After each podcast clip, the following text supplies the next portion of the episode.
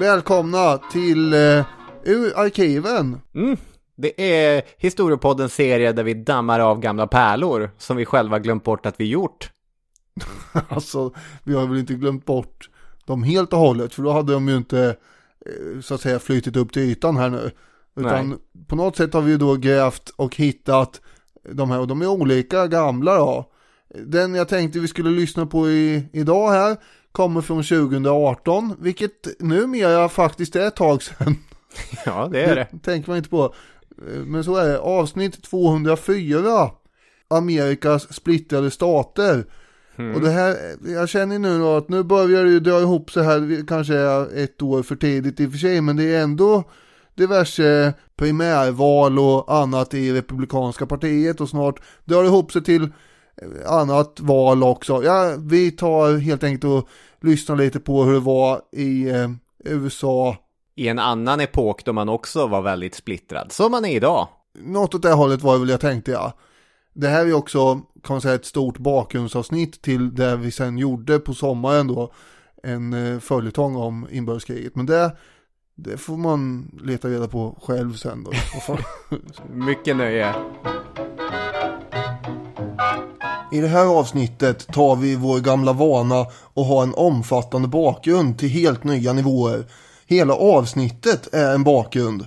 En bakgrund till en konflikt som rasade på den amerikanska kontinenten under 1860-talet. Den konflikt där fler amerikaner dog än som stupat under alla andra krig tillsammans som USA deltagit i.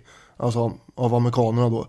Vi kommer att avhandla de omständigheter som ledde fram till det amerikanska inbördeskriget och diskutera olika versioner om vad som spelar störst roll för krigsutbrottet och sådär. Det blir en rejäl resa in i det största amerikanska traumat av alla. Nu åker vi!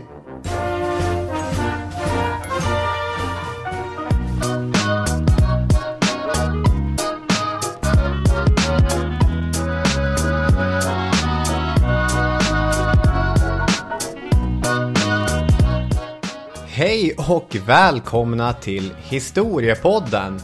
Daniel Hermansson satte igång bollen som rullade. Robin Olofsson tog passningen i steget och skickade den tillbaka. Det är ett väggspel här. Läget? Jo, ja, det är väl nu jag då ska nicka in bollen i mål med någon punchline. Nej, ja, ja. jag kommer inte på något här. Eh, det är väl eh, den mest omfattande bakgrunden vi gjorde, har gjort sen vi gjorde bakgrunden till franska revolutionen. Ja, jag tänkte på det med. med det undantaget att den bollen ligger fortfarande den ligger på någonstans... straffpunkten där och väntar på att någon ska slå in den. Ska... Jag tänkte att den var borta. Jaha. I hörnflaggan eller något. För ingen har ju sett till någon fortsättning på den. Nej, det är någon sorts eh, slarvig fransk linjedomare som har sumpat den där. Eh, det stämmer, vi ska göra lite bakgrund till amerikanska inbördeskriget. Därför att om allting går som eh, det är planerat. Eh, historiepodden, vi gör ju inga löften som vi inte sen kan bryta. Eh, men eh, vår förhoppning är att vi ska ha en episk sommarserie om just det amerikanska inbördeskriget. Det är tanken ja. Ja. Och för att direkt ha, liksom vara igång med det och ha lite bakgrund bortgjort så, så värmer vi upp. Precis. Är du uppvärmd nog för att köra en Vem är hen?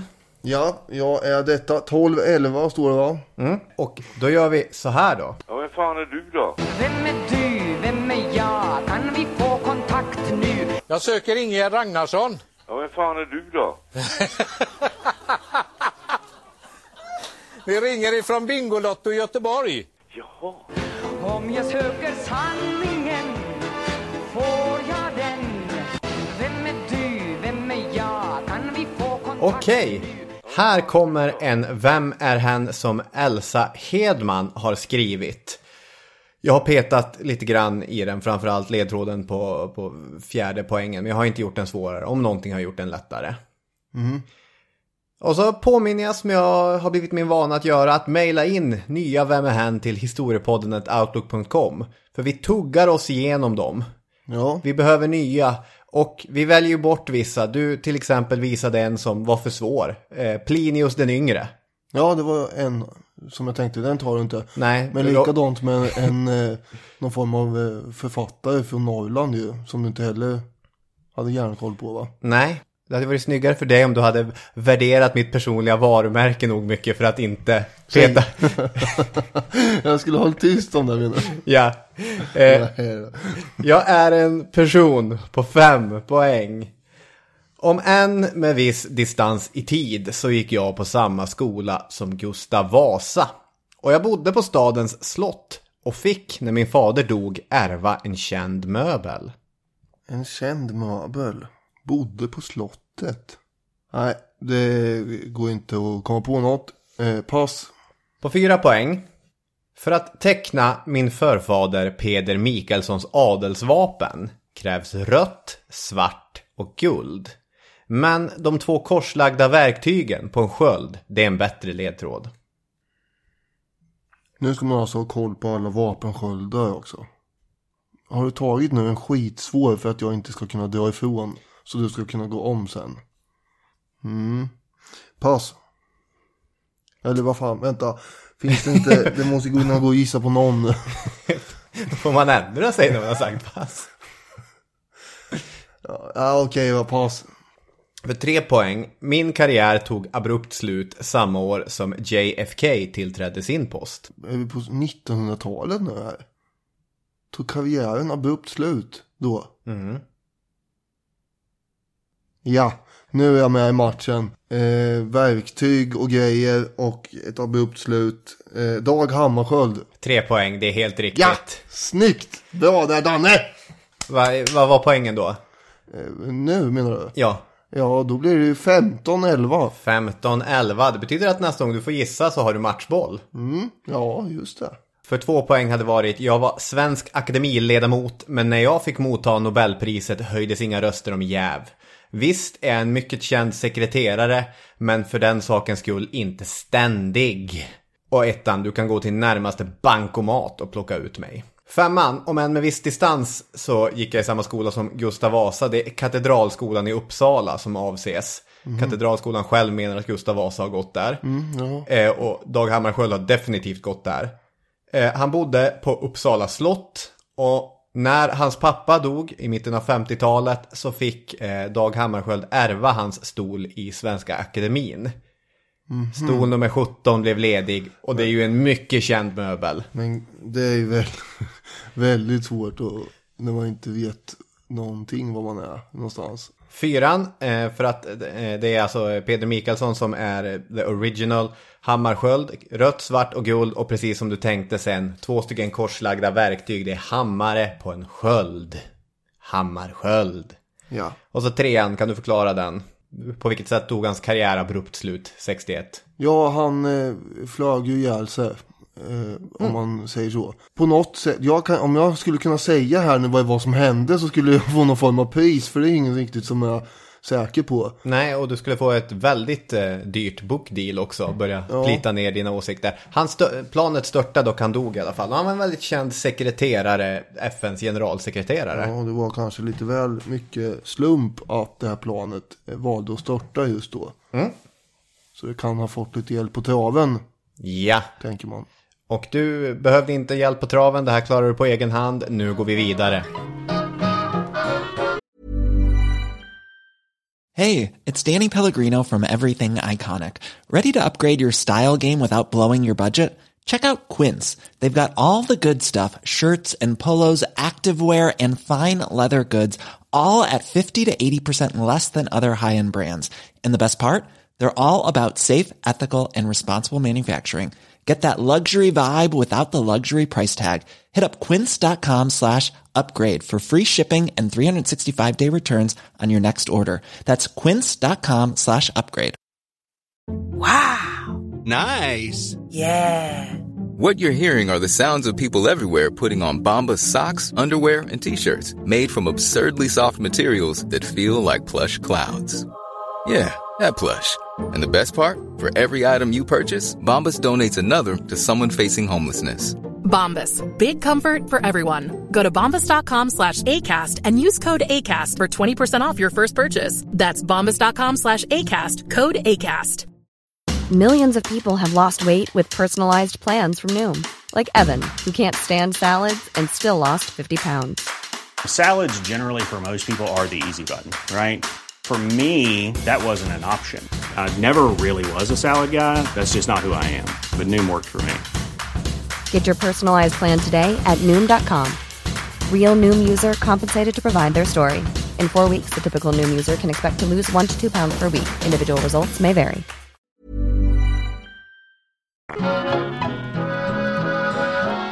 Vi ska säga redan från början att vi är lite oroliga för hur vi ska fixa dispositionen i det här avsnittet. Men vi, vi får väl börja snacka och se vad det blir.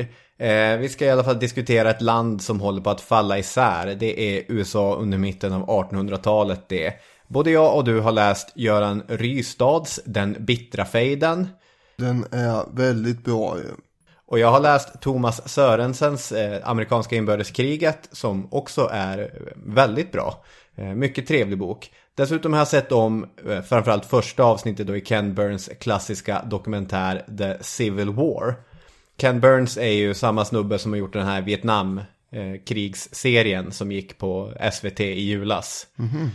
Eh, och The Civil War var hans film, han gjorde den för 25 år sedan. Det var då han verkligen slog igenom för en bred publik. Och det är ett mästerverk. Men den är från, för den delen inte fri från diskussionspunkter. Och kanske händer att jag lyfter någon sån ibland när jag refererar till någon historiker i den. Den fick ett jättestort genomslag när den sändes första gången i USA. Och den är fortfarande av sådant, liksom, vad ska man säga, eh, inflytande. Att den refereras ibland i väldigt höga positioner när det blev bråk om varför amerikanska inbördeskriget egentligen startade i, det här är något som diskuterades i Vita huset förra året. I, när det var bråk om diverse statyer av Robert E. Lee och liknande nere i sydstaterna.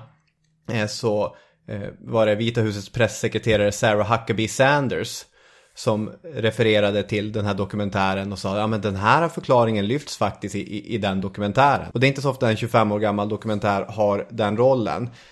Det här är väl på ett sätt också ett känsligare avsnitt än de flesta avsnitt som vi gör eftersom det är en så levande historisk fråga i USA. Ja, så är det nog ja.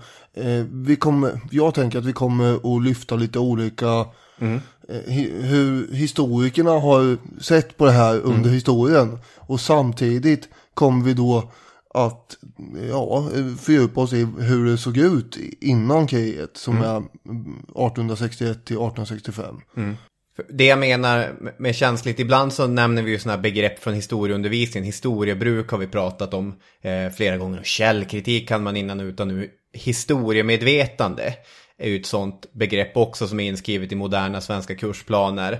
Att din förståelse för ett då påverkar din förståelse för ett nu och ett sedan också. Så hur man ser på historia, hur man ser på historia, framförallt konflikter och sånt kan verkligen så här påverka din världsbild och hur du blickar framåt. Och det märker man ganska tydligt när man kollar på inbördeskriget, inte minst mellan eh, olika syner på konfederationen. Men allt det där kommer vi komma till, om inte idag så framåt sommaren när vi kommer in på det riktiga eh, kriget. Nu ska vi dyka in på de här klassiska historikerna, hur de har närmat sig kriget. Ja, och eh, åren direkt efter kriget så blev ju historieskrivningen förklarligt nog eh, ganska subjektiv och bitter och känsloladdad. Och man eh, slängde skit på den andra sidan och sådär. Efter ett par decennier så ger sig historiker som inte själva har deltagit i kriget eh, på det här och analysera orsakerna och, så mer vetenskapligt. Så då blir det en lite mer objektiv syn. Eh, Och eh, de eh, försökte ta ett helhetsgrepp då eh, utifrån någon form av nationell synpunkt och därför så kallas den liksom ingången i hela Den skolan. ja, den skolan för the national tradition. Och de här historikerna i slutet på 1800-talet kom fram till eh, följande som Göran Rystad beskriver då. Ja. Den stridsfråga som sprängde unionen 1860 rörde slaveriet. Motsättningarna hade under lång tid ökat i styrka och bröt till sist fram med en våldsam kraft. Norden och Södern skildes av en klyfta i en moralisk fråga av dominerande betydelse. Ena sidan avskydde slaveriet, den andra inte endast försvarade det utan hyllade det som själva basen för sitt sociala system. Förståelse mellan de båda parterna var omöjlig och inbördeskriget kom som ett oundvikligt resultat. Så man såg alltså eh, kriget som en, framförallt en moralisk eh, fråga om slaveriet. Och det var där som eh, konflikten stod emellan. Slaveri eller inte slaveri. Mm, precis. Eh, och att kriget också var helt oundvikligt. Ja, det finns en deterministisk eh, Ja. idé i det här. Vilket betyder alltså att det, måste gå på ett visst sätt. Ibland säger man ju sådär om första världskriget också. Mm. Att eh, det var, det var oundvikligt.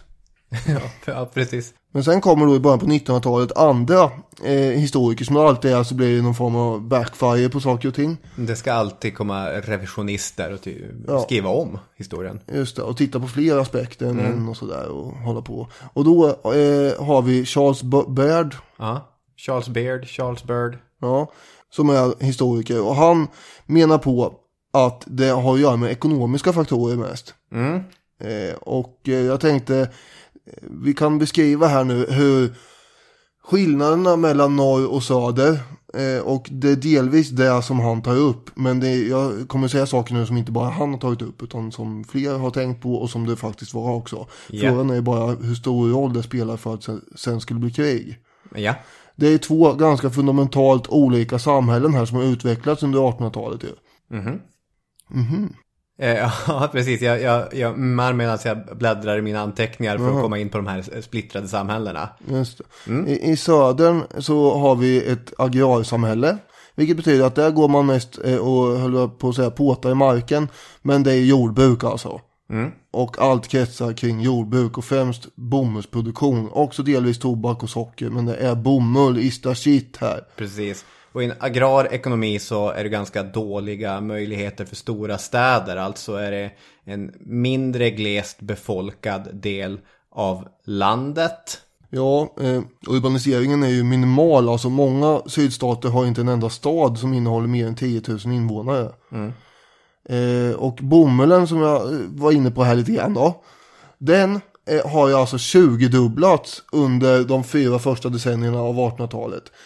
Och det är ju en eh, odling som sker i princip helt och hållet med hjälp av slavarbetskraft. Det som har hänt är ju att det har kommit industriella varianter för att skilja bomullskapslarna från fibrerna. Eh, vad heter det? Bomullsginmaskiner. Vilket kraftigt att ök- har ökat lönsamheten. Och för att man ska hålla stor lönsamhet måste man ha de här stora eh, plantagerna. Så att eh, istället för att industrins genomslag ska minska slaveriets roll. Eh, som man ibland kan tänka så har det snarare gjort att slavarna är viktigare. 1860 så var alltså bomull 57% av hela USAs exportvärde. Det är ju oerhört mycket. I nordstaterna däremot eh, finns ju de stora städerna. Eh, Mycket urbanisering som det heter när man flyttar in till städerna. Inflyttning alltså. Man pallar inte med livet på landet. Och så, Ja, dels det och så sen är det en aldrig sinande ström emigranter som kliver Ja. av hamnarna. som lassas eh, av fartygen där i eh, New York och, och de här. Det här gör ju att den etniska blandningen i norr är ju ganska omfattande. Om man jämför med den i södern där, där det främst är vita som eh, bor och livet rullar på i ett, eh, ja, som det är. Eh, På landsbygden, tänker jag mig. Lite lägre tempo. Och de här eh, liksom plantageägarna, de lever ett väldigt privilegierat liv. Och det är ju det är ett annat klimat, inte bara eh, tempomässigt utan också eh, geografiskt. De facto är det här mycket varmare. I norr så fräser det och ångar och ryker från de här växande industrierna. Det är fartygsvarv och produktion av maskiner, det är tyger, många gruvor också. Eh, och sådär, storfinansens högkvarter håller hus här. Eh, och sen har vi befolkningsfördelningen också. Det är 18, men jag tror det är 18 eller 20 eller 21 miljoner. Säg att det är 21 miljoner som bor i nordstaterna då. Ja, det beror helt på när vi sätter ner liksom, nålen på skivan för det växer ju väldigt snabbt också. Det här låter som en mycket trolig analys från din sida. Ja, ja men Men jag tänker just eh, 1861 då, Ja. till exempel. Eh, och då har jag fram att det är 21 miljoner. Eh, sen är det 9 miljoner i, i södern. Ja, för det är 31 miljoner amerikaner invånare när kriget bryter ut så. Men varav de 9 miljonerna i södern är ju 3 miljoner eh, slavar. Så, men Norge har alltså övertagit både befolkning, industriproduktion och mineraler och, och sådär egentligen här. Eh, vad de däremot är bekymrade över är ju den här jobbiga, kämpiga, orättvisa konkurrensen från eh, Storbritannien när det gäller industriprodukter.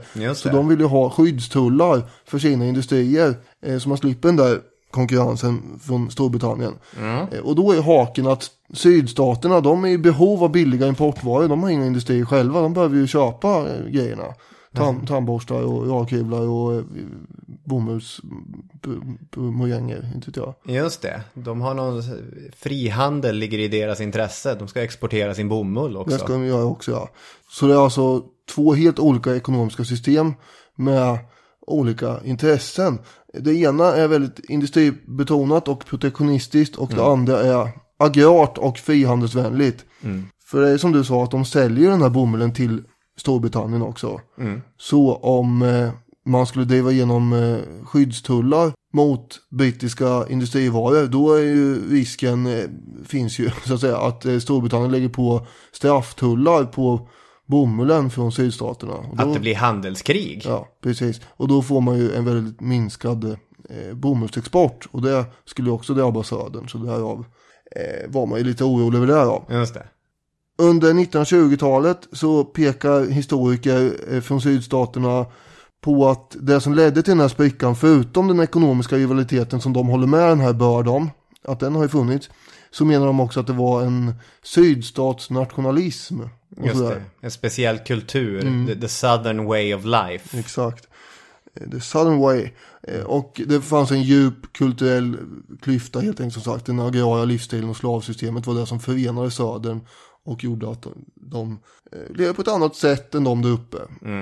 Och sen har vi då eh, en annan eh, historiker med som företräder nästa synsätt och det är James G. Randall som menar att eh, det fanns inga ekonomiska motsättningar här som egentligen var tillräckliga för att det skulle bli krig inte. Under 1860-talet. Den här situationen med tullar som den här Bird pratar om. Eh, nej ja, det var inte akut hot på något sätt. Det var inte så att det var nära förestående att man skulle slänga in en massa tullar och, och sådär. Och de som hävdade då att det hängde ihop med någon slags eh, sydstatsnationalism. Eh, fanns ju historiker i sydstaterna som sa det som, som vi var inne på. De hade också helt fel menar, menar den här Randall på. För så fanns det inga sydstatsmänniskor som tänkte att nu har vi en speciell kultur som vi måste försvara här. Eh, på något sätt, menar Randall på då ja. Nej, eh, istället är svaret eh, på eh, att kriget utbryter helt enkelt eh, ren och skär fanatism. Och en massa hetsiga kampanjer från båda sidor som omöjliggör kompromisser och eh, förnuftigt tänkande. Just det. Han menar ju på att slaveriet är ju med och de ekonomiska motsättningarna finns i bilden. Men det är den så att säga orationella masspsykosen som gör att det blir krig. Inte något av de andra grejerna egentligen. Mm, och det är ju en eh, amerikansk författare i den här Ken Burns-dokumentären, nu kommer jag inte ihåg vad han heter, typ Tooley eller någonting, men han torgför ju den analysen också. Han säger att eh, we fail to do what we always try to do, and that's compromise. Att det var bristen på kompromiss som ledde fram till kriget. Och det var också den eh, orsaken som eh, Vita husets pressekreterare försökte torgföra då. Så att det- är en, en sån sak som har, har dryftats. Ja, han blev ju förstås eh, ifrågasatt och kritiserad i och för sig den här Randall Ja, synnerligen. under andra hälften av 1900-talet. Man menar ju på att han, han gjorde slaveriet till en bagatell och att kompromiss var inte alls möjligt och sådär. Eh, och eh, att som Randall anta att slaveriet hade försvunnit av sig själv förr eller senare var alldeles för optimistiskt. Så historiker under efterkrigstiden, alltså andra delen av 1900-talet menar ju att eh, när medborgarrörelsen kommer och det framgår att de här problemen som var för hundra år sedan, eh, de är inte lösta än. Då kan man säga att man kommer tillbaka till att eh, slaveriet var den stora grejen. Eh, och eh, man har egentligen gått ett varv här 360 grader under ett sekel där man har slängt fram en massa olika förslag och ve- versioner av vad det var som orsakar det hela. Precis. Eh, Barbara Fields som är en historiker som också kommer till tals i den dokumentären. Hon på frågan varför blev det krig säger att kriget det bestämdes i den sekunden som USA valde att lämna Storbritannien med slaveriet intakt. Eh, det är lite deterministiskt också att eh, Ja. det, det fanns ingen, ingen väg runt det.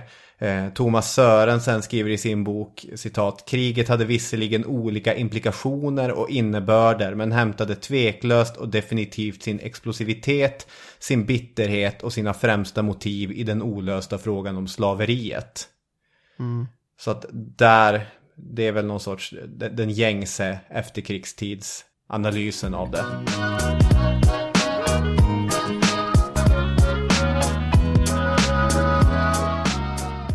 Och då kan vi ju prata lite om slaveriet här också. Som är eh, tämligen relevant. Även om allt det här andra jag sagt också är viktiga komponenter ju. På 1960-talet så började historiker nyansera slaveriet en smula. Det är förstås en eh, förskräcklig institution och den är ohuman på alla sätt och vis. Men eh, det fanns också sätt att nyansera det hela på. Till exempel två ekonomihistoriker, Robert Fogel och Stanley Engelman, som skrev boken Time on the Cross. Eh, Och där jämför man till exempel med vita industriarbetare i norr som levde betydligt kortare eh, liv än eh, slavarna i södern. Och eh, de hade också materiellt sett bättre än de vita industriarbetarna i norr men- menar de på. Och dessutom så lägger de fram att det var eh, högst ovanligt, återigen det är deras uppfattning, då, att eh, familjer splittrades genom försäljning och sådär. Utan eh, det var när eh, barnen liksom var ändå i vuxen ålder så de skulle ha flyttat hemifrån ändå, då kunde man sälja dem. Annars så, så var det inte så ofta som familjer splittrades, menar de att statistiken pekade på.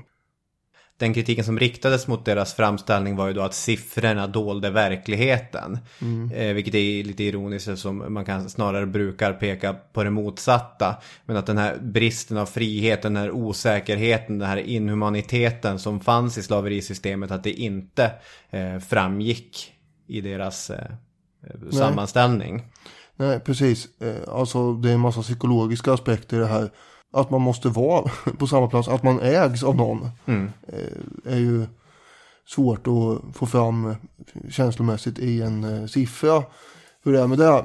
För även om slavarna materiellt sett hade jämbördigt med industriarbetare i norr så skulle ju, som Ystad säger, inte eh, de här industriarbetarna i norr riskera att piskas eller säljas eller så. De var inte förbjudna att lära sig läsa eller eh, att förflytta sig som sagt. Nej, precis. De var ju fria helt enkelt.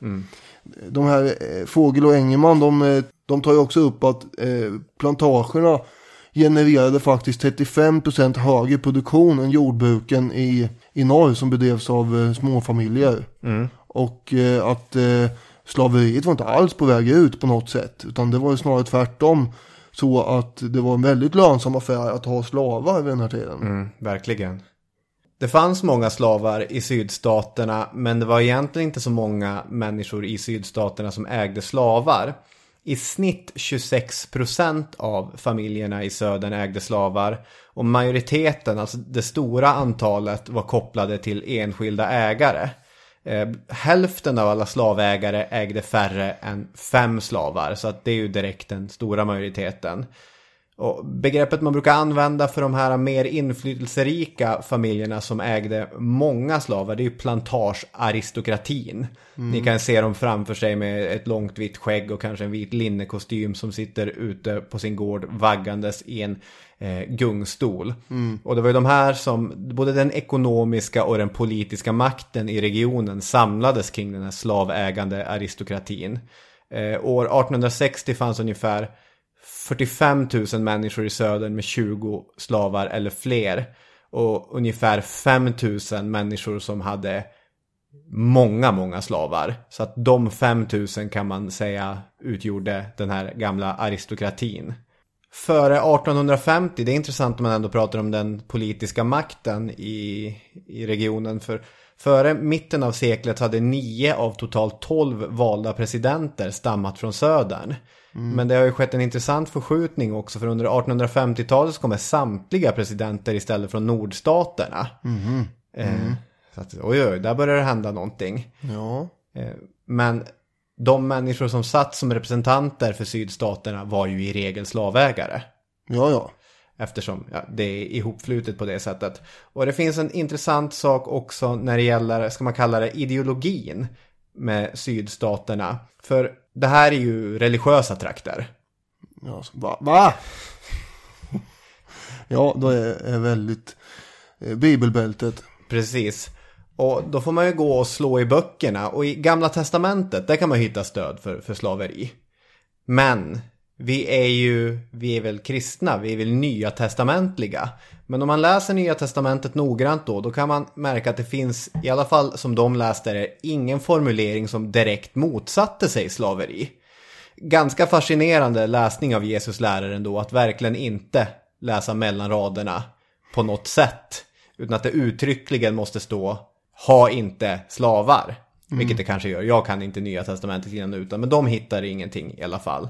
Det finns också något intressant eh, i den här ideologin gällande de, de svarta kontra de vita kvinnorna. För det uppstår en idealisering som är rätt tidstypisk av eh, frun i huset. Enligt typisk viktoriansk modell skulle hon vara täckt från topp till tå. Hon har självkontroll och är sexuellt avhållen och sval. Men de här eh, afrikanska kvinnorna som vi har ute på fälten, de är ju direkta motsatsen till det här, sexuellt utlevande och utmanande.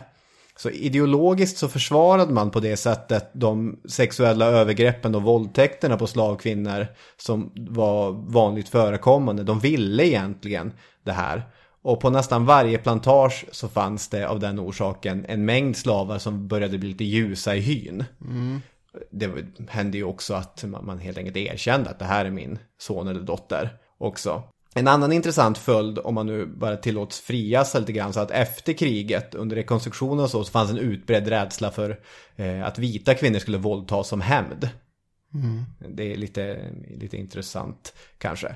Så att slaveriet, central del i sättet man lever, ideologin och i ekonomin i sydstaterna.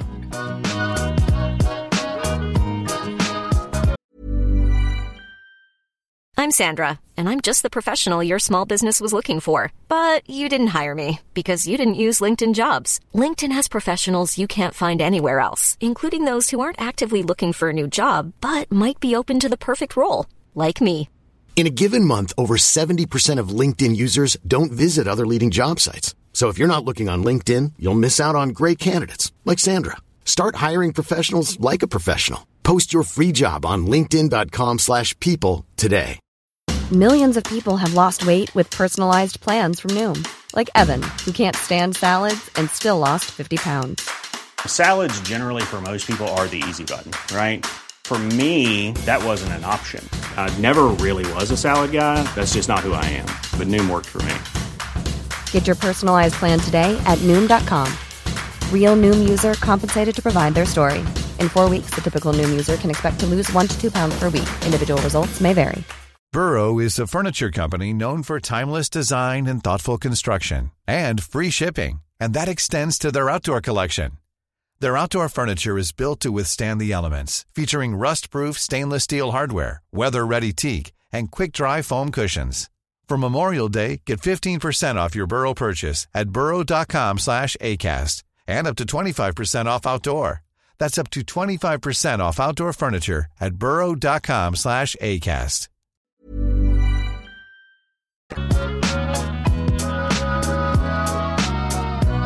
Och hur ser man då på detta eh, ifrån eh, vissa grupper i norr?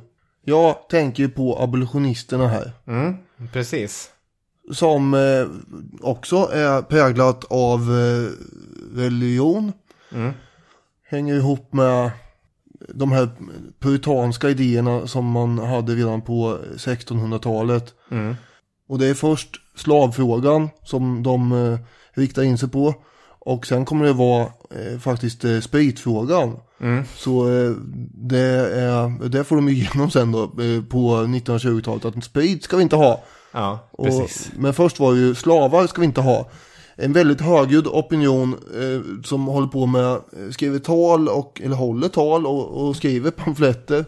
Eh, flygblad som man sprider omkring sig där man kräver att slaveriet ska avskaffas. De här är ju förstås koncentrerade främst i norr. Ja. Eh, och i mitten av 1800-talet här så var, alltså slaverimotståndarna var ju ändå i minoritet. Mm. De flesta i nordstaterna var kanske emot slaveriet i princip, men det var inte så att man man eh, liksom gjorde så mycket väsen emot. Man kunde acceptera att det fanns där nere i södern. Det hade jag alltid gjort och, och sådär. Precis, och det finns vissa klassiska exempel på, nu sa jag klassisk igen, jag försöker Mm. säga det lite mindre. Men eh, William Lloyd Garrison, eh, som hade en, en tidning, The Liberator, han tryckte den ute i Chicago, är verkligen ett sånt klassiskt exempel. Han nämns alltid när man ska diskutera abolitionismen och bakgrunden till kriget. Eh, jag har ju fått lite kritik i, av lyssnare, framförallt äldre manliga lyssnare, eh, över att jag har så många citat på engelska. Och att eh, du har fått lite här, bra Robin, eh, det är, eller bra Daniel snarare, håll honom kort. Eh, annars kan vi lika gärna lyssna på, på amerikanska podcasts, men skit, nu skiter jag i er, jag skiter i er. Va? Nej. Eh, Så du ska ta det på engelska ändå? ja, men du, du kan få eh, översätta sen, jag ser att du jag har, bara har säga boken. eh, Ja. en sak? Till exempel eh, förra avsnittet, när det var förra, förra när vi hade om Cicero där. Mm. Det översatte jag i förväg. För att jag gör lyssnarna den tjänsten, så att säga. Jo, men där tycker jag är lite skillnad. Vi ska inte fördjupa oss för mycket i det här, men jag tycker det är skillnad för det är ju från latin. Jag får- Eh, Så även en engelsk variant är ju en översatt variant. När man liksom spelar medborgarrättsklipp, det är ju att få höra de här gubbarna prata på engelska och förstå dem, att det försvinner någonting i översättningen. Och William Lloyd Garrison, det är ju storvulen amerikansk politisk retorik. Jag får rysningar bara jag tänker på det. Okej, kör det här nu. Eh, det här kommer från eh, Titus Andronicus skiva The Monitor som kom för typ tio år sedan och är, är fantastisk, eh, skränig amerikansk indie-rock där man dessutom lägger på massa tal av Lincoln och, och varför inte William Lloyd Garrison och liknande. Det här kommer från singeln A More Perfect Union. Den låten avslutas på det här sättet. I will be as harsh as truth, as uncompromising as justice. On this subject, I do not wish to think or speak or write with moderation. I am an earnest. I will not equivocate. I will not excuse, and I will not retreat a single inch. And I will be heard. I will be heard. I'm an earnest. Han tänker inte gå tillbaka en meter på vad han tycker. Nej, han är väldigt kritisk mot slaveriet. Och det är ju rimligt att vara. Men som sagt, det var inte så att eh, vanligt folk sprang runt och tänkte på det där i nordstaterna eh, särskilt mycket. Nej, snarare så ska man säga att de flesta människor som lever i nordstaterna är ganska rasistiska. Man är inte för att eh, svarta ska ha rösträtt. Eh, man är inte för att de ska ha samma eh, politiska inflytande. Men man är emot slaveriet för att slaveriet är moraliskt förkastligt. Eh, mer inflytelserik än Lloyd Garrison är ju en liten roman från 1852, Onkel Toms stuga, faktiskt översatt till svenska samma år, fick ett otroligt stort genomslag och trycktes i hundratusentals exemplar. Och även om, eller kanske tack vare, att det inte är skönlitteratur med ett jätte, jättestort konstnärligt djup, det är inte eh, modernistisk prosa, det här är ju före modernismen så det skulle inte kunna vara, utan det är bara gripande och, och tydligt. Så människor läser den och de får en ökad förståelse för slavarnas situation. Den handlar ju om slavarnas livsförhållanden ur deras perspektiv kan man säga. Tom, som det handlar om då, han blir ju han, han blir förnedrad och eh, han blir misshandlad av sin herre hela tiden. Men han förblir ju lojal och sådär. Eh, 300 000 ex sålde den i första året i Mm. bara USA. Och sen tydligen såldes den i Sverige samma år också. Ja. Och författaren är ju Harriet Beecher Stowe då. Precis, Lincoln skämtade Ja, efter kriget. när han träffar henne att här är den lilla damen eh, vars förtjänst eller fel det är att kriget bröt ut. Ja, och så enkelt var det inte heller. Nej, det var väl, jag hoppas att det var ett skoj. Men det var någonting som eh, liksom gynnade abolitionisterna. Mm. Och eh, de fick eh, större stöd och det var fler som liksom höll med dem då. Och det var inte bara abolitionisternas propaganda och eh, den här eh, Onkel Tom eh, boken heller. Utan även pressen i nordstaterna skriver ju om de här villkoren som slavarna lever under och det får ganska stort genomslag med. Framförallt så brukar man ju då i tidningarna återge skildringar av eh, sådana här slaveriaktioner. Mm, just det. Och det skapar väldigt upprörda känslor bland många läsare.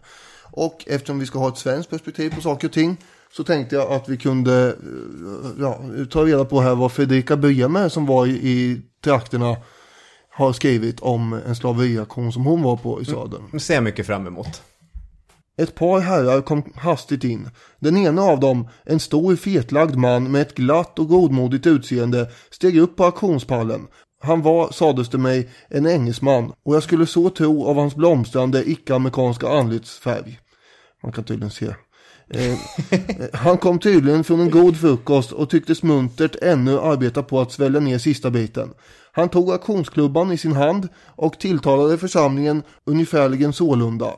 De slavar som nu ska försäljas för vad pris som helst är några få husslavar, alla tillhöriga en enda husbonde. Han har gått i borgen för en vän och då denne gjort konkurs är han nödsakad att göra sig av med sina trogna tjänare. Dessa slavar säljs således icke i följd av något fel som de begått eller på grund av några brister. De är trogna och förträffliga tjänare och endast en hård och nödvändighet har kunnat förmå deras husbonde att skiljas vid dem. De är värda det högsta pris och den som köper dem kan vara viss på att därmed föröka trevnaden i sitt hus. Härefter tecknade han åt en kvinna bland de svarta att träda fram och gav henne handen för att hon skulle stiga upp på pallen.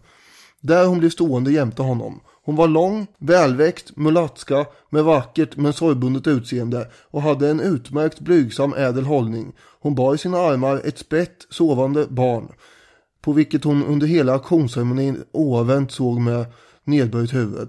Hon var klädd i en grå klänning, hög i halsen och ett blekgult brunrutigt kläde var knutet runt hennes huvud. Auktionsmannen begynte nu inför församlingen prisa denna kvinnas god, alla goda egenskaper.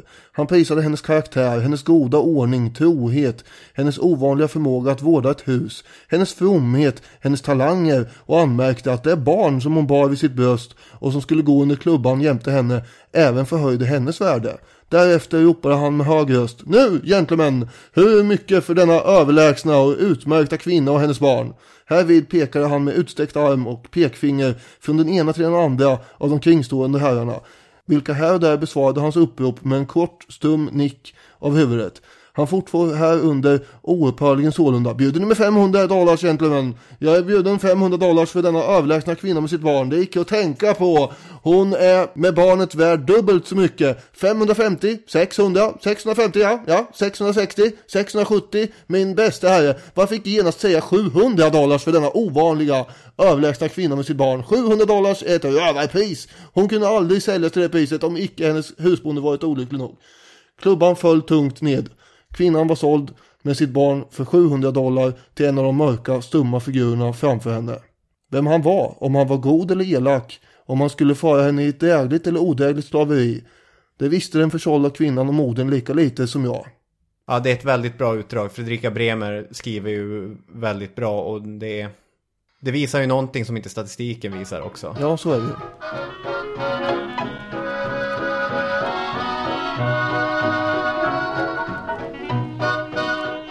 Slaveriet är ju förstås en av de mest centrala frågorna här. Men kanske inte som moralisk fråga som de första historikerna menade. Mm. Eh, och kanske inte heller som ekonomisk faktor som den här Börd och andra menade. Nej. Utan egentligen som symbol för maktbalansen i den här unionen inför de framtida delstater som kommer upptas. Mm. För det är ju ungefär 50-50 eh, mellan staterna eh, vilka som tillåter och inte tillåter slaveri. Mm. Och eh, inför varje nytt territorium som ska upptas som delstat så blir det ju bråk huruvida det här ska bli en slavstat eller en fristat. För det kommer ju påverka maktbalansen i, i kongressen liksom. Ja, det är ett hårt arbete att uppehålla ekvilibrium där mellan Ja. fria och slavstater. Ja, så, för så fort det kommer in en ny liksom så då kan det ju tippa över och så kan de andra bli överkörda. Mm. Plantageägarna i södern var ju uppenbarligen väldigt oroade för att det här industrialiserade och befolkningsmässigt växande nord skulle få kontrollen i kongressen. Mm. Och att de därigenom då skulle driva igenom sina uppfattningar som hotade slaveriet som institution och egentligen då hela söderns eh, livsstil och ekonomi. Mm. Och de har en väldigt stark stolthet eh, över sina hembygder och sin hemstat och sådär också. Mm. Vi har ju nu några eh, hållpunkter här. Det är 1820 och 1850 som man gör olika kompromisser. Mm.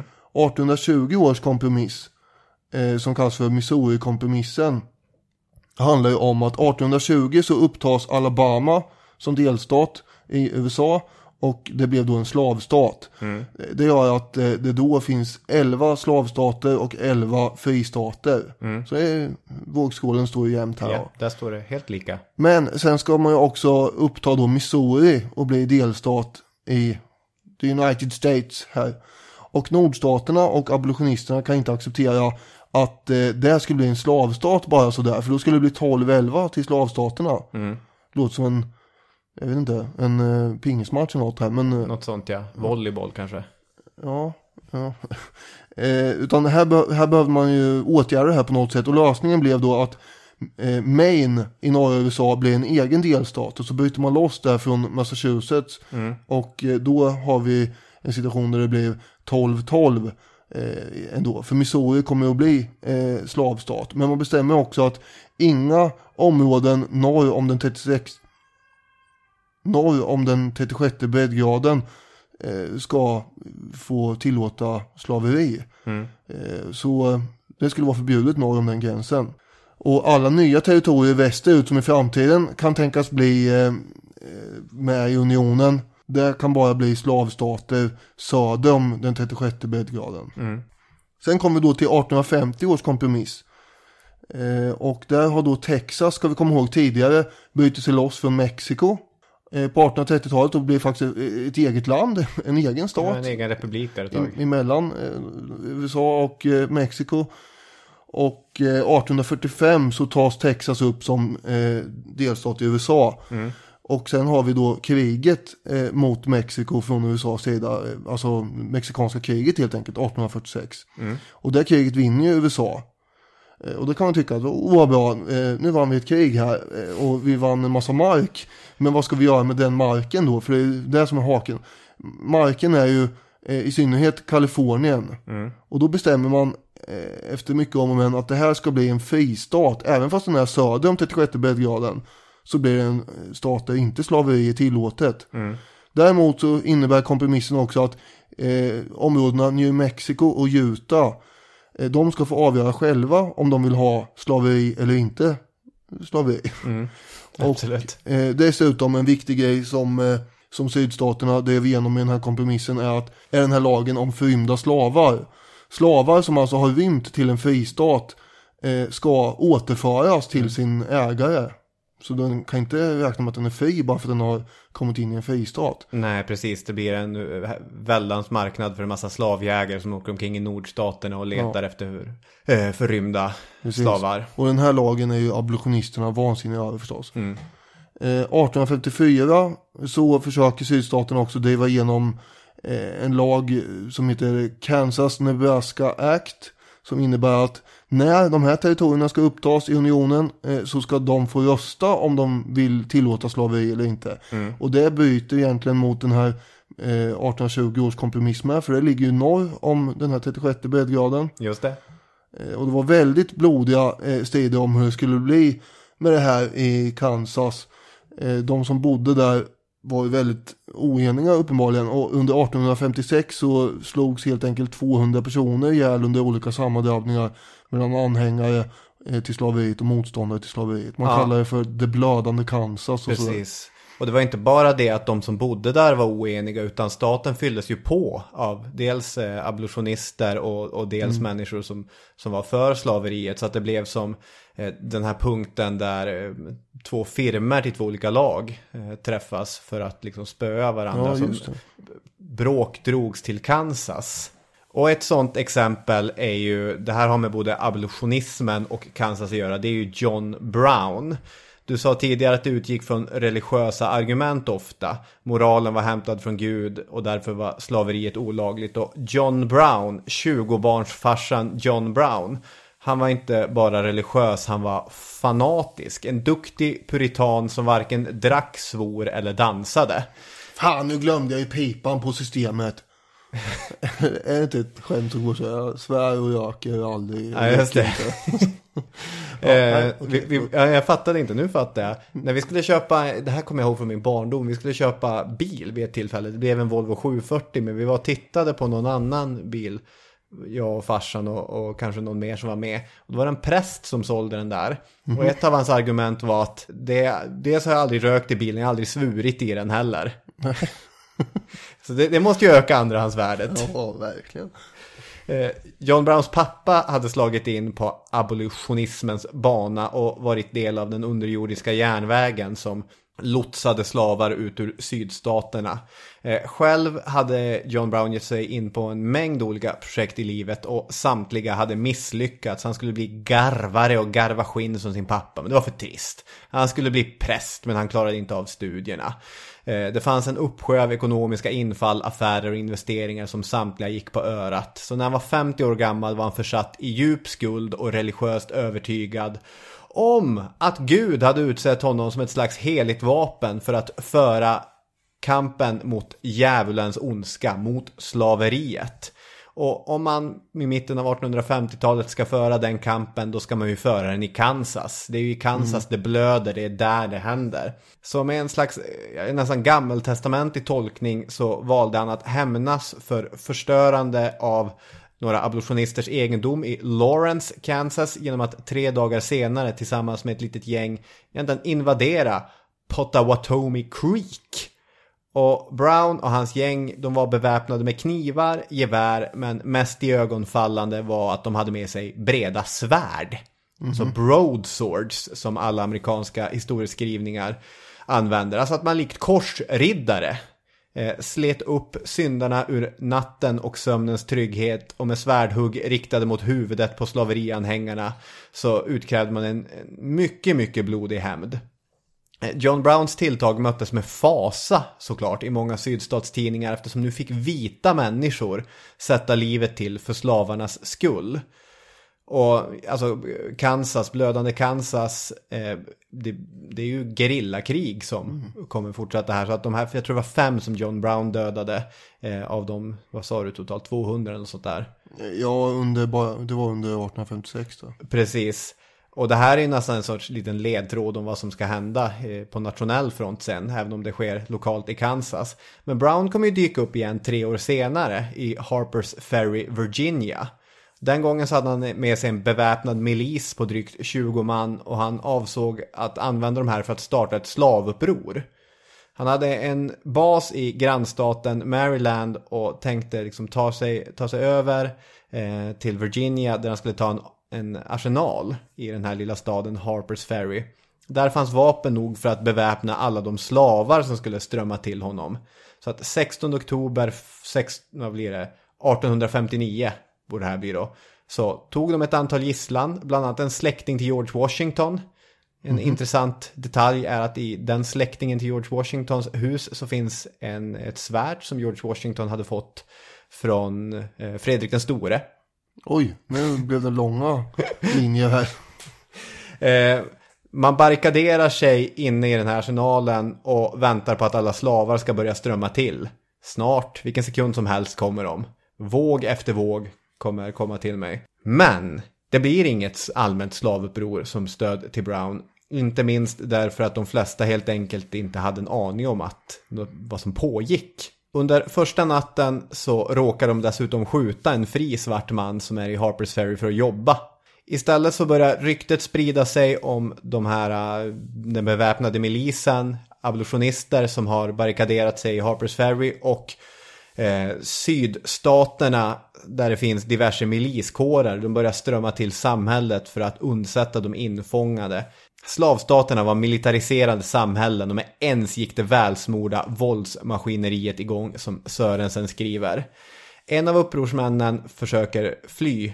Dangerfield Newby som han heter, eh, starkt namn. Han var en frigiven slav, alltså mörkhyad då. Så han blir nerskjuten och de här milismännen som kastar sig över honom, de skär av hans öron.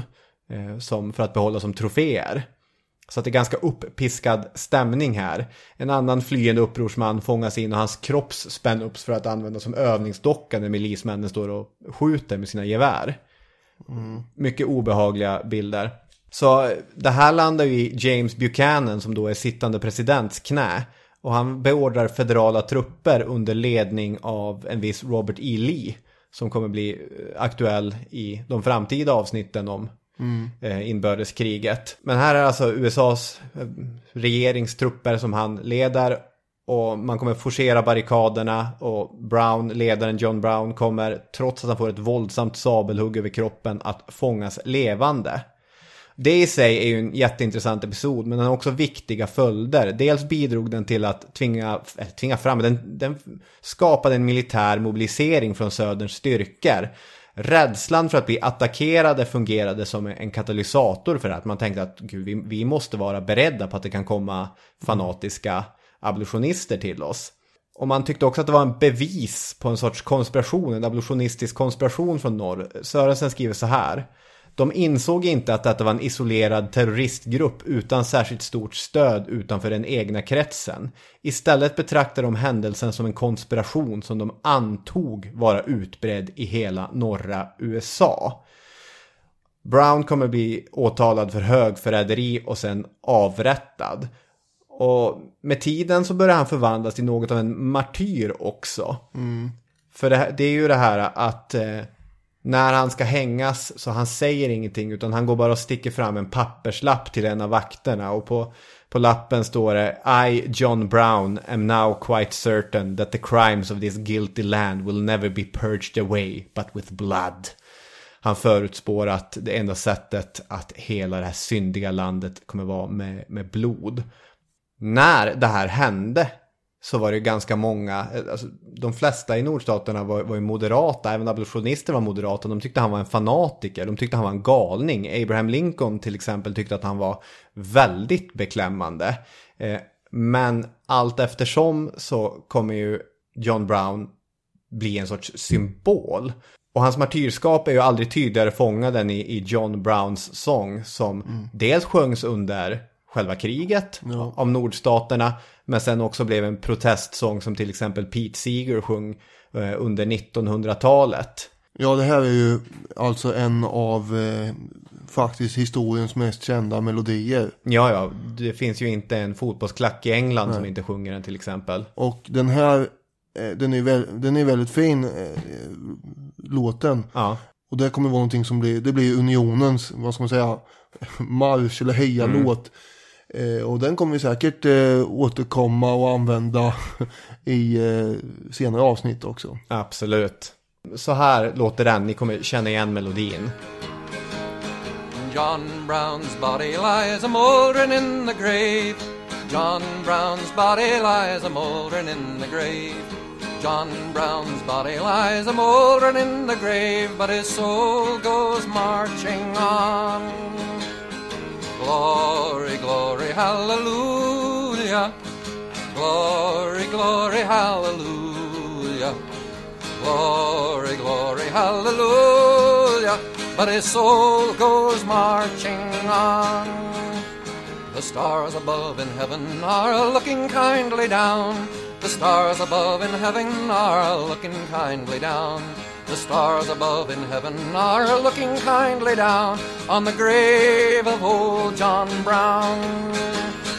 Glory, glory, hallelujah. Glory, glory, hallelujah. Glory, glory, hallelujah. His soul goes marching on. Det är valår i år. Eh, men det var ju 1860 också i USA. Och eh, då var ju grejen att i slutet på 1850-talet där så hade Whig-partiet upplösts efter, efter en massa olika dispyter med eh, det här i Kansas och sådär. Man hade inte lyckats hålla ihop det här partiet och istället så bildas då det republikanska partiet som främst representeras eh, av nordstaternas intressen och de tar kraftigt avstånd från slaveriet. Det är nästan så att republikanerna bildas ju på slaverifrågan som de, de är väldigt mycket motståndare till där. Och på ett eh, partikonvent, det första var så antar jag, eh, i Chicago eh, så väljer man eh, sin presidentkandidat eh, och det blir en kompromisspolitiker. En lång eh, och gänglig farbror med eh, skägg eh, men inte mustasch. Ja, fast det är inte skägg när han blir vald. Det Nej. sparar han väl ut senare. Men dju- djupt insjunkna ögon och lite prominent näsa. Märkligt utseende. Och en rolig hatt. Eh, det är Abraham Lincoln då. Just det. Och han var ju inte lika radikal som de mer kända och framträdande politikerna och det var väl därför man tog honom. Han gick ju till val på att slaveriet skulle totalförbjudas i nya delstater som upptogs i unionen. Det vill säga det, det skulle inte tillåta att eh, det blev några fler delstater som var slavstater. Men han var ju inte abolitionist. Nej. Han tänkte inte lägga sig i slaverisystemet där det redan existerade. Och det här såg han väldigt noga eh, till att eh, få ut i valkampanjen också. Att jag tänker inte förbjuda någon slaveri i södern, det behöver ni inte vara oroliga över. Nej, precis. Jag tänkte man kan ta ett citat. Det här är från 1858 och Lincoln och pratar i Illinois. Låt oss sluta med allt detta ordrytteri om den ena mannen och den andra mannen. Den här rasen och den här rasen. Och den andra rasen är underlägsen och måste därför placeras i en underlägsen ställning. Låt oss sluta med allt detta och förenas som ett folk över hela detta land. Tills vi ännu en gång ska stå upp och tillkänna att alla människor är skapade lika. Så där, det låter ju som abolitionistisk eh, Mhm. retorik. Där är han i Illinois. Eh, Två månader senare så har han tagit sig fortfarande till Illinois, men han är i södra Illinois. Och då säger Lincoln till sin publik. Jag vill sedan säga att jag inte är eller någonsin har varit för att på något sätt åstadkomma social och politisk jämlikhet mellan den vita och den svarta rasen. Applåd. Och att jag inte är eller någonsin har varit för att göra negrer till röstberättigade eller jurymedlemmar. Och inte heller att kvalificera dem för att inneha ämbeten eller gifta sig med vita. Och eftersom de inte kan leva så måste det medan de fortfarande är tillsammans finnas en överordnad och en underordnad ställning. Och jag vill lika mycket som någon annan tilldela den vita rasen den överordnade ställningen. Han är inte en eh, fanatisk, vad ska man säga, jämlikhetsivrare här. Nej. Och när kriget väl börjar så håller han ju ett eh, känt tal också. Det är inte Gettysburg-talet jag tänker på. Eh, utan ett eh, från året före där, 1862. Och då säger han ju, mitt allt överskuggande mål i denna kamp är att bevara unionen. Det är Mm. vare sig att rädda eller förinta slaveriet. Om jag kunde rädda unionen utan att rädda en enda slav skulle jag göra det. Och om jag kunde åstadkomma det genom att befria alla slavar skulle jag göra detta. Och om jag kunde nå detta mål genom att befria en del och låta andra vara så skulle jag göra också detta. Mm. Men sen kommer ju eh, kravet på att avskaffa slaveriet 1863 blir någon slags symbol för saker och ting. Men det är ju när kriget väl är igång där. Absolut. För Demokraterna som då har störst stöd i södern så blir det ett väldigt stökigt eh, partikonvent 1860 och ett enormt gräl mellan ivriga slaverianhängare och mer återhållsamma demokrater.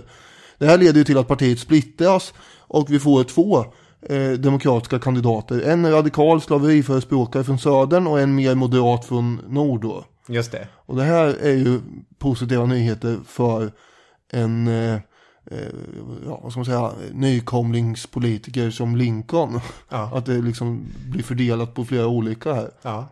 Jag vet en sak om Stephen A. Douglas som är Demokraternas kandidat från norr. Mm. Att han var väldigt duktig på att debattera. Det var han. Stephen A. Douglas was a great debater, but Abraham Lincoln was the great emancipator.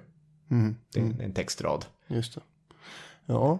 John C. Breckenridge hette södergubben. Ja. Är det en bra taktik att ställa upp med två stycken Nej. kandidater i ett presidentval? Eh, inte om man har samma väljare. Eh, nej det är det ju inte.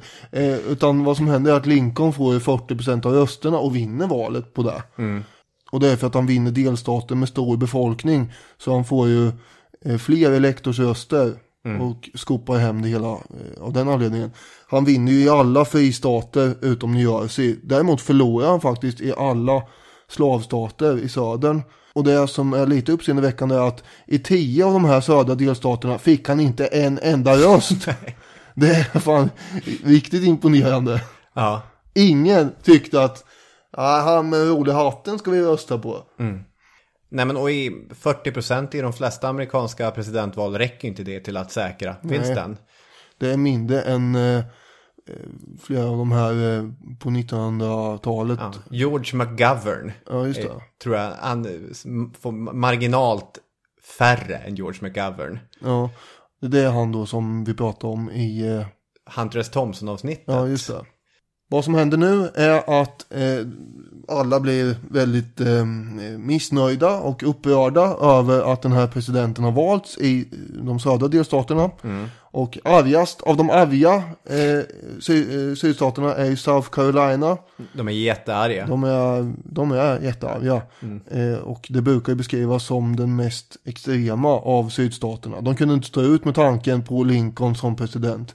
De hade mest att förlora egentligen också. Det var den stat med störst slavpopulation. Hela 57% av befolkningen i South Carolina var alltså slavar. Och man hade ju också den här föreställningen att man var en suverän delstat som hade gått med i unionen. Och det innebär också att man kan gå ur unionen. Mm. Och, och en kommitté i Charleston som då är South Carolinas eh, huvudort har eh, utrett, eller man ska säga, saken och eh, kommit fram till hur man ska reagera på eh, det här utgången av presidentvalet. Och ordföranden för den här kommittén läser upp eh, det statement som man har.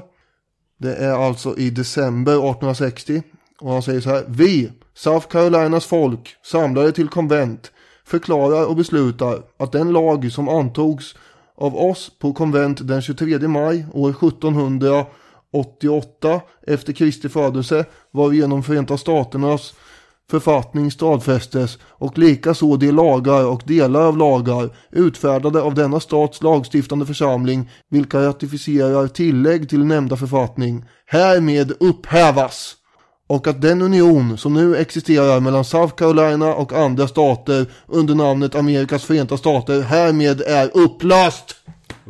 Den första har då lämnat, för det kan man tydligen göra. Och därefter följer då sex andra delstater i januari 1861 med. Miss- Mississippi, Florida, Alabama, Georgia, Louisiana och Texas. We are a band of brothers and native to the soil, fighting for our liberty with treasure, blood, and toil. And when our rats were threatened, the cry rose near and far. Hurrah for the bonny blue flag that bears a single star. Hurrah, hurrah for southern rights, hurrah! Hurrah for the bonny blue flag that bears a single star.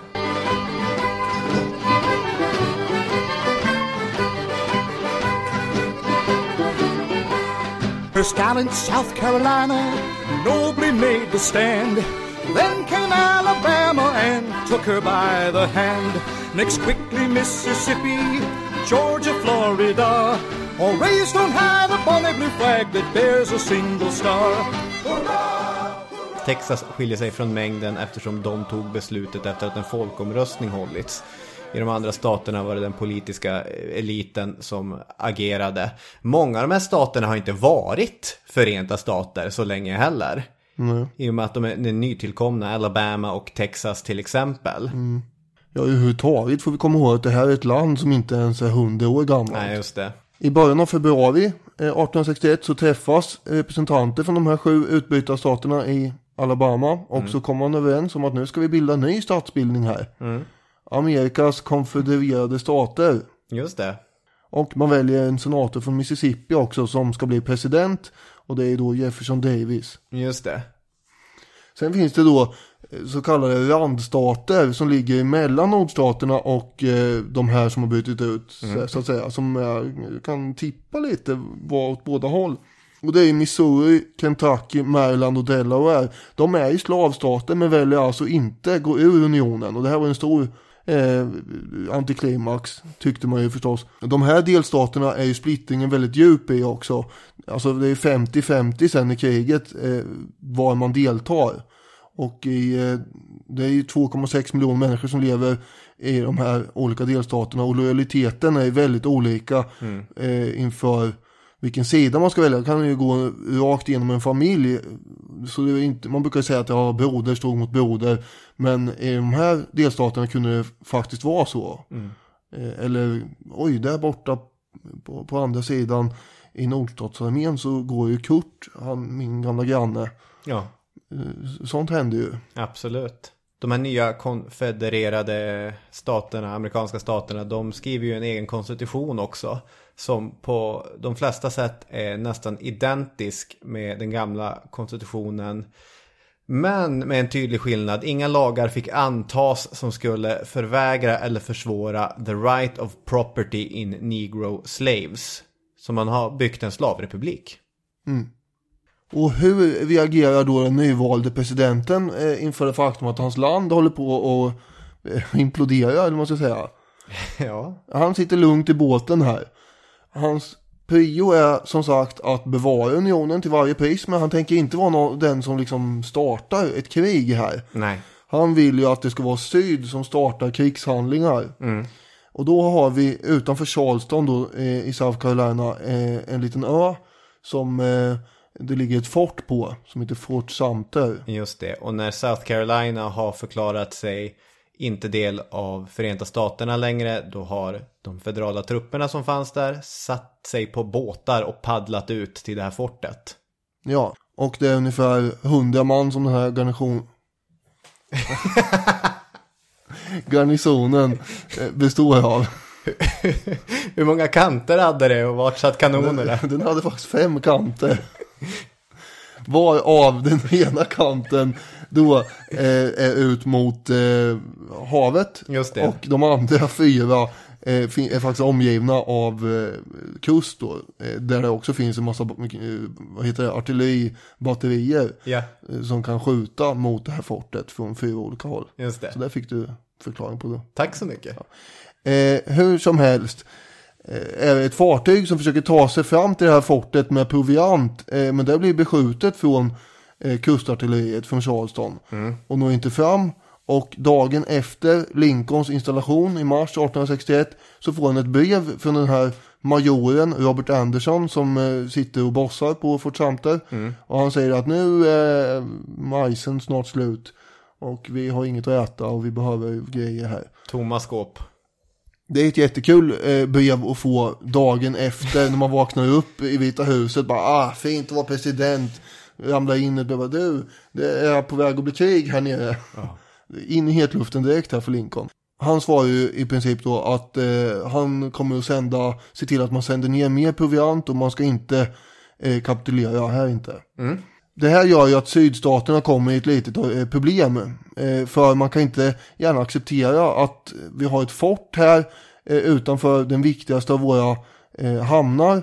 Där fortet kontrolleras av unionstrupper och den här Stars and Stripes håller på att vaja upp i luften. Det här är ju otroligt irriterande. Mm. Det är ju som en symbol för att unionen vägrar att acceptera den här nya statsbildningens oberoende eller vad man ska säga. Mm.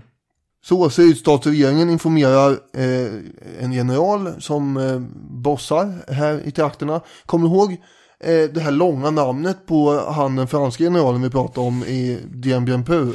Nej, Dien Bien Phu. Phu. Ja. Ja. Eh, jo då. Eh, eller jag kommer inte ihåg vad han hette, men jag Nej. kommer ihåg att han hade ett långt och härligt eh, namn. Ha- Hade, hade Beauregard ett lika långt namn? Eh, precis. General Pierre Gustave de Totant Beauregard. Mm. Nu lät det franskt här, hörde jag, men eh, alltså Beauregard heter han ju. Ja, Beauregard säger de ju i de amerikanska. Ja, det är väl där vi får kalla honom för att det blir lite långt med det här andra. Eh, han eh, meddelar ju då major Andersson att eh, nej men det är bara det att eh, du kapitulerar här så blir det bra nu. Mm. Det är ditt alternativ. Just det. Men man måste ju säga att de är eh, förträffligt artiga och så mot varandra i de här breven som de skickar till varandra, major Anderson och Burgard. Ja, det är väldigt mycket så här, eder eh, trotjänare för evigt. Ja, ödmjuke, evige tjänare. Ja. Jag har haft äran att mottaga ert brev, eh, bla bla, och egentligen vad de pratar om är om de ska eh, skjuta ihjäl varandra till grus. Ja. Men det är väldigt så här eh, vidderlig ton hela tiden. Yes. Och eh, de sätter igång ett bombardemang i alla fall från eh, kustartilleriet mot det här fortet eh, på natten till den 12 april och sen fortsätter man eh, att bombardera eh, mot det här fortet i två dagar. Mm. Och Jag tänkte att vi kunde höra lite grann vad Burgard säger om det här i efterhand. Nattens fridfulla tystnad bröts just före gryningen. Från Fort Johnstons mörsabatteri utgick krigets första och som många tyckte allt för länge fördröjda signalgranat. Den beskrev sin säregna eldbåge på stor höjd, exploderade över Fort Sumter och föll med ett brak ner precis mitt på exercisfältet. Så blåstes revelj i Charleston och dess hamn denna händelserika morgon. På ett ögonblick var det liv och rörelse överallt. Inte en enda frånvarande rapporterades vid uppropet.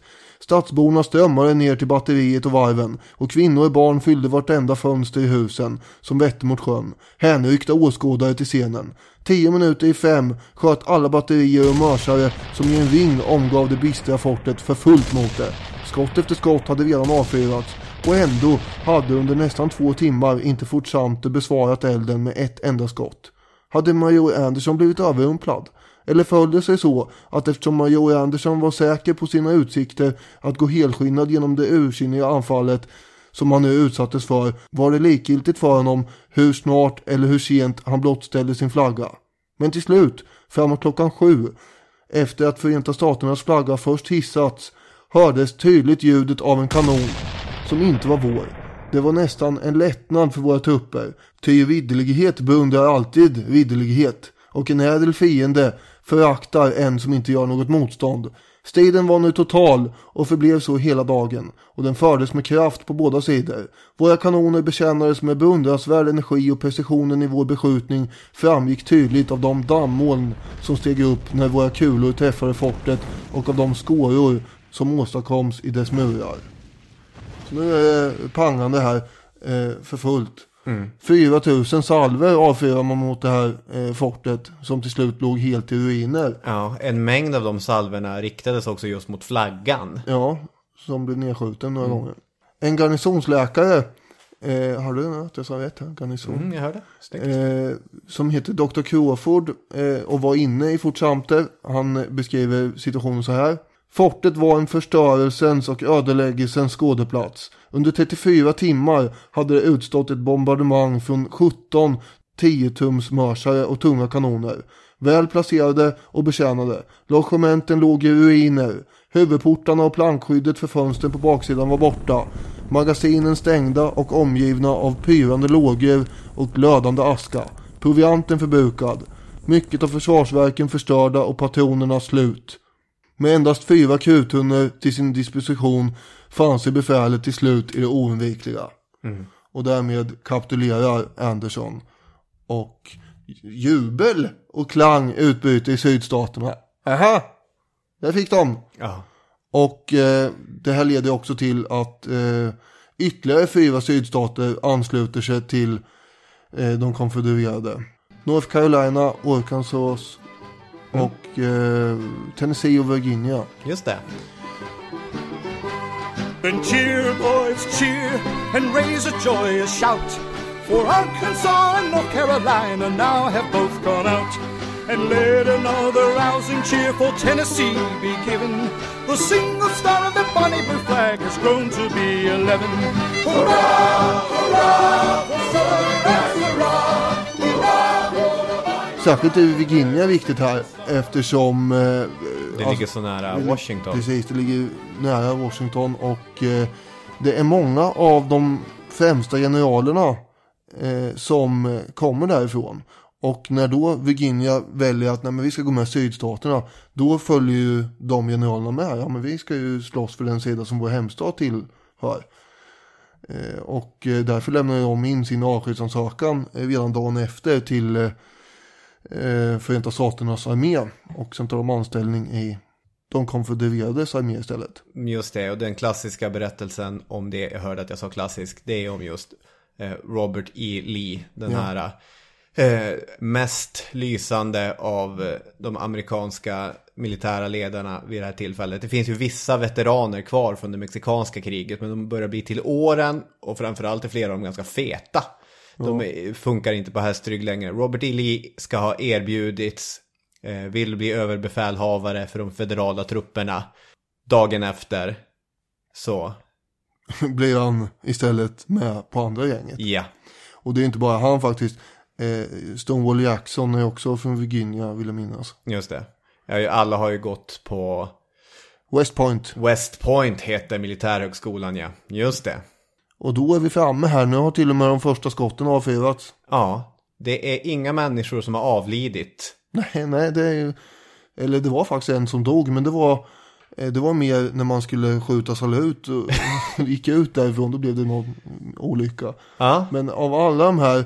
Eh, Hundratusentals som slutligen ska avlida så det var ingen som dog i första anfallet. Nej. nej. Men kriget är igång och vi ska plocka upp den tråden igen vad det lider. Så är det. Nu känns det som att vi har lagt en bra bakgrund här. Ja, och det ska man aldrig underskatta. Tack så mycket Daniel Hermansson. Tack så mycket Robin Olofsson. Tack så mycket lyssnaren. Vi har en Facebook-sida. Den kan ni gå in och kolla. Googla Historiepodden Facebook. Ni hittar till en Facebook-sida. Herregud. Maila oss till historiepodden at outlook.com. Du brukar köra jämt. eh, Gå ut på balkongen och skrik. Ja, skicka flaskpost, faxa någonting, lägg ut en kontaktannons i din lokaltidning. Tack så mycket för att ni har lyssnat på oss. Ha en trevlig vecka. Vi hörs igen nästa vecka. Ha det bra. Hej hej. Hej då!